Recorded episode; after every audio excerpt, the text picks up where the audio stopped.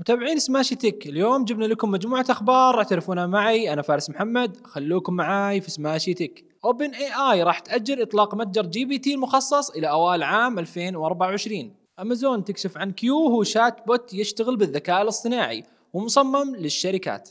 أبل راح تسوي تغيير كبير على رسائل آيفون العام المقبل. في مؤتمر المطورين الافتتاحي اللي انعقد في نوفمبر كشفت لنا OpenAI عن الإصدار القادم من GPTs المخصصة والمتجر اللي من المقرر إطلاقه في وقت لاحق من نفس الشهر.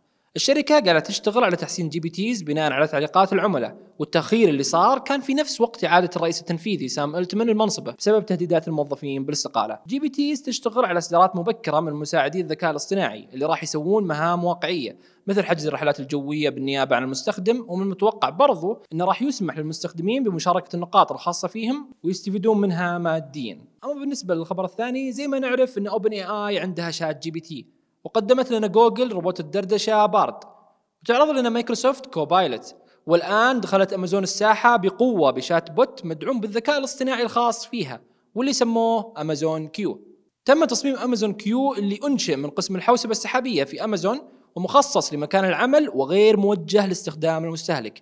والغرض الأساسي منه هو مساعدة الموظفين في مهامهم اليومية.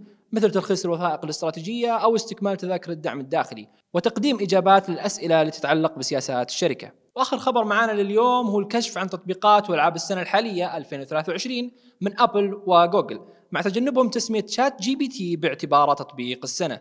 بالنسبة للفائزين حصل AllTrails رفيق المشي لمسافات طويلة وركوب الدراجات على لقب تطبيق ايفون لهذا العام. من ابل، بينما حصل تطبيق التعليم Imprint على أفضل تطبيق على Google Play، والعجيب إن ابل وجوجل اتفقوا على الفائز في لعبة السنة واللي هي Honkai Star Rail. الجدير بالذكر أن شركة أبل خرجت عن المعتاد هذا العام من خلال ترشيح تطبيقات مصممة بشكل جيد بدل التركيز فقط على الابتكارات الجديدة من الناحية التكنولوجية. قوائم الأفضل في نهاية العام ما تقتصر وظيفتها على الترويج للتطبيقات والألعاب الجديدة فقط. القوائم تبين لك مدى التنافس في السوق وتعطيك رؤية على اختيارات المستخدمين. متابعين سماشي تك هذه كانت آخر أخبارنا لليوم. شكرا للمشاهدة وانتظرونا في الحلقة القادمة.